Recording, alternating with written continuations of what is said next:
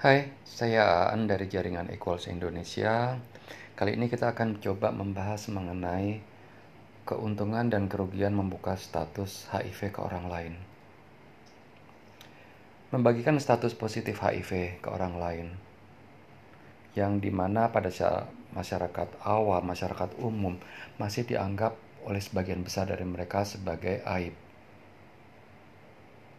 ketidaknormalan akibat kenakalan, akibat kebejatan moralitas, dan berbagai macam hal negatif lainnya, tentunya kita harus berpikir lebih lanjut mengenai keuntungan dan kerugian untuk membuka status tanpa kita pikirkan konsekuensinya. Jadi membuka status ini benar-benar atas keputusan yang didasari secara sadar, secara penuh, bukan atas dorongan orang oleh orang lain siapa pun mereka juga. Kita mempunyai hak penuh untuk membuka status ke siapa pun yang kita mau dan kita percaya untuk tahu status HIV kita. Karena pada saat kita buka status HIV, beda kasusnya dengan pada saat kita memberitahu orang lain bahwa, oh saya kena kanker.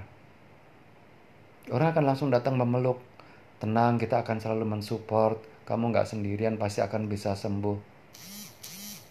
Beda halnya dengan pada saat kita membuka status HIV bahkan ke keluarga terdekat atau ke teman terdekat sekalipun. Tahu nggak hasil tes positif HIV gue ternyata reaktif.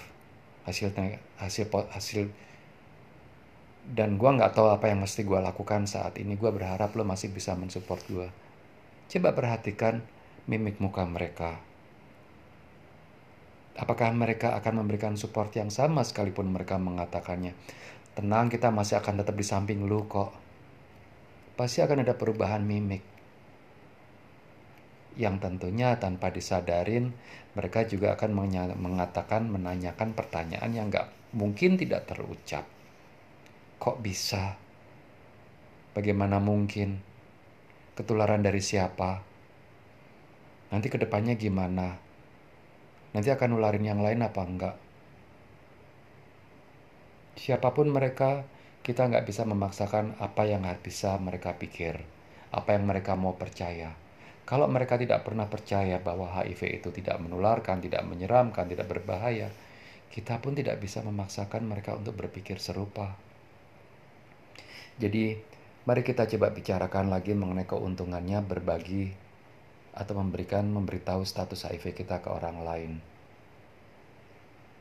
memberitahukan status HIV kita ke orang lain, terutama ke perusahaan, ke atasan. Di satu sisi akan bisa sangat meringankan beban. Di sisi lain, kita juga akan mendapatkan keringanan dispensasi, kompensasi, atau apalah namanya pada saat kita butuh pengobatan, akses pengobatan. Mungkin nggak jatuh sakit selama kita patuh ARV selama kita menjaga pola hidup.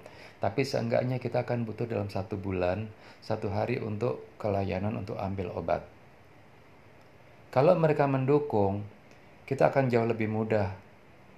Tapi di sisi lain, pada saat mereka tidak mendukung, tidak memiliki pemahaman yang cukup terkait HIV, kemudian kita tiba-tiba buka status ke mereka, kemungkinan terburuk yang akan terjadi adalah mereka akan membicarakan ke sesama direksi kalau di posisi manajemen.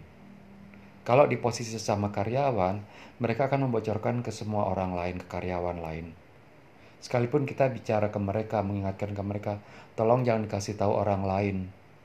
Sama seperti apa yang terjadi dengan gosip, kita selalu bilang jangan kasih tahu yang lain ya. Pada akhirnya ini akan beredar ke seluruh orang, ke semua orang. Dan kita selalu mengucapkan kata kunci jangan kasih tahu yang lain. Ternyata kita sendiri memberitahu orang lain. Sudah siap dengan hal ini? Kemudian berbicara mengenai HIV, terutama secara terbuka, itu juga sebenarnya memiliki potensi untuk men, apa ya, untuk untuk melawan stigma, melawan ketidaktahuan, melawan kesalahpahaman informasi, dan pada saat kita berbicara mengenai hal ini, membuka status, kita tidak hanya menutup kesempatan bahwa gue positif HIV. So what? Kita mendapat kesempatan untuk memberikan edukasi bahwa HIV itu begini, bahwa HIV itu begitu, termasuk juga memberikan edukasi bahwa pada saat status HIV kita tidak terdeteksi, viral load tidak terdeteksi, kita sudah tidak lagi menularkan HIV ke orang lain. Sehingga tidak layak dan tidak perlu di stigma karena atas dasar apa di stigma? Kalau kemudian kita sudah tidak bisa menularkan HIV ke orang lain sama seperti orang tanpa HIV. Apa yang mau di stigma? Kemudian membuka status. Semakin sering kita berbicara mengenai HIV, semakin mudah kita membuka status. Karena ini seperti latihan, kita melakukannya berulang-ulang, berulang kali dan berulang lagi. Gagal di sini kita akan belajar di mana kuncinya kok bisa gagal. Gagal di sana kita akan belajar lagi kok bisa gagal lagi. Pada saat akhirnya kita mengatasi dan memahami bagaimana membuka status secara aman. Entah itu di komunitas, entah itu di publik, entah itu di tempat kerja, entah itu dengan pasangan atau dengan keluarga, kita akan memiliki pengalaman tersendiri bagaimana membuka status dan pengalaman masing-masing orang pastinya berbeda. Kemudian akan jauh lebih penting dan membantu pada saat kita memiliki ada seseorang yang mensupport pada saat kita akan membuka status. Karena pada saat kita membuka status ke orang yang tidak paham, orang akan berpikir apa pun hal-hal positif yang kita sampaikan ke mereka bahwa HIV tidak begini, tidak begitu, orang tetap akan berpikir, itu kan katamu, biar kita nggak takut. Kenyataannya ada yang mendukung nggak? Di sini kita akan butuh orang-orang yang memang paham mengenai isu HIV untuk berdiri di samping kita, untuk menjelaskan bahwa kita memiliki keyakinan yang sama, dan bahwa ada edukasi-edukasi di luaran yang memang harus diluruskan terkait stigma dan isu HIV ini di luaran. Kemudian, berbagi status dengan petugas medis. Seharusnya petugas medis atau nakes mereka sudah memiliki pemahaman dasar terkait HIV. Tapi ternyata tidak semua memahami hal yang sama. Jadi, sama seperti membuka status ke semua orang, ada kalanya kita tetap harus berhati-hati. Penting nggak kita pikir dulu. Ada pentingnya nggak kita buka status termasuk ke para medis? Yang sering dilakukan, yang sering diintimidasi, yang didoktrin adalah kita harus membuka status HIV kita ke semua para medis pada saat kita sakit. Padahal kadang cuma flu biasa, padahal cuma demam biasa, padahal hanya pengen kontrol ke dokter gigi pada saat kita membuka status, akhirnya terjadi penolakan karena dokternya tidak memahami HIV. Jadinya kita merasa distigma, didiskriminasi. Padahal semua tenaga medis, para medics, mereka sudah paham apa yang namanya universal precaution. Bahwa ada kehati-hatian yang harus diperlakukan secara umum agar tidak menularkan satu penyakit dari satu pasien ke pasien berikutnya tanpa harus menanyakan status HIV seseorang. Ini ada. Lalu kenapa kita harus membuka status HIV ke semua orang, ke semua dokter? Padahal nggak ada kaitannya. Saya juga nggak tahu kenapa ada orang-orang tertentu yang memang mengharuskan mengajarkan hal seperti ini dan kenapa kita dengan sukarela melakukan hal ini. Pada akhirnya kita kesulitan mendapatkan layanan kesehatan.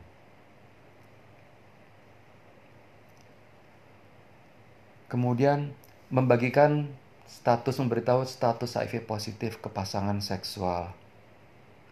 Seringkali kita masih baru tahap pendekatan, belum tahap intim, belum tahap penjajakan, belum berpikir jauh mengenai hubungan relationship itu akan long term atau enggak. Tapi kita udah langsung ngasih tahu ke pasangan, eh gue HIV positif ya, lo siap apa enggak? Kira-kira penting apa enggak? Belum apa-apa, orang belum mengenal pribadi kita lebih lanjut. Udah dikasih catatan, eh gue HIV positif. Secara tidak langsung ada kehati-hatian dalam melakukan hubungan selanjutnya. Jangan terlalu dekat, gue HIV positif. Biarkan orang lain atau pasangan, calon pasangan mengenal kita apa adanya, kepribadian kita, karakter kita sebelum kita kasih hal-hal yang lain. Sama juga pada saat kita mencari pasangan. Kemudian kita dibilangin sejak awal, tahu nggak gue kalau tidur ngorok, gue kalau pagi-pagi suka kentut, gue suka naruh celana dalam sembarangan di tempat tidur. Kira-kira kita masih akan berlanjut apa enggak? Berikan nilai dan karakter yang positif dulu ke pasangan, ke calon pasangan, sebelum kita mengedukasi lebih lanjut tentang status HIV.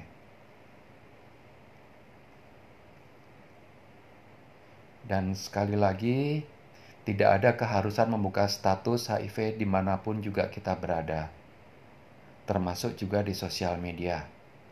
Sosial media bagi beberapa orang itu adalah salah satu cara teraman untuk membuka status karena kita bisa mengontrol siapa yang melihat, siapa yang membaca, siapa yang mengakses, siapa yang dapat berinteraksi, dan bagaimana informasi ini diberikan Beda dengan pada saat kita memberikan informasi ini membuka status secara langsung. Pada saat sudah diberikan kita nggak bisa narik lagi. Karena sudah didengar orang. Tapi di sosial media kita bisa mengontrol sebelum klik tombol publish. Atau terbitkan, atau muat, atau upload. Kita masih bisa cek ulang dalam dengan berbagai macam kehati-hatian dan pertimbangan apakah sekiranya ini akan aman ke depannya. Jadi uh, terkait mengenai aman atau tidak aman, bagaimana membuka status penting atau tidak, kita sudah bahas di sini. Jadi nggak ada keharusan buat siapa pun untuk membuka status kapan, kepada siapa, dan bagaimana. Semua butuh kematangan masing-masing. Semua butuh persiapan, butuh antisipasi. Bagaimana kemudian apakah kita sudah siap apabila ditanya dengan pertanyaan yang paling memojokkan? Kok bisa? Ketularan dari siapa? Lalu ke depannya bagaimana? Akan nularin yang lain apa enggak? Apakah kita sudah siap? Siapkan semua jawaban, terutama memahami bahwa tidak terdeteksi tidak menularkan atau U equals U. Ini adalah dasar penghapusan stigma. Kita memahami ini, kita akan ber mampu berbicara mengenai HIV kepada siapa pun dengan kalangan mana pun juga. Kalau kita memahami dasar ini. Jadi, yuk belajar lagi mengenai tidak terdeteksi tidak menularkan dan bagaimana kita bisa mencegah penularan HIV lebih lanjut.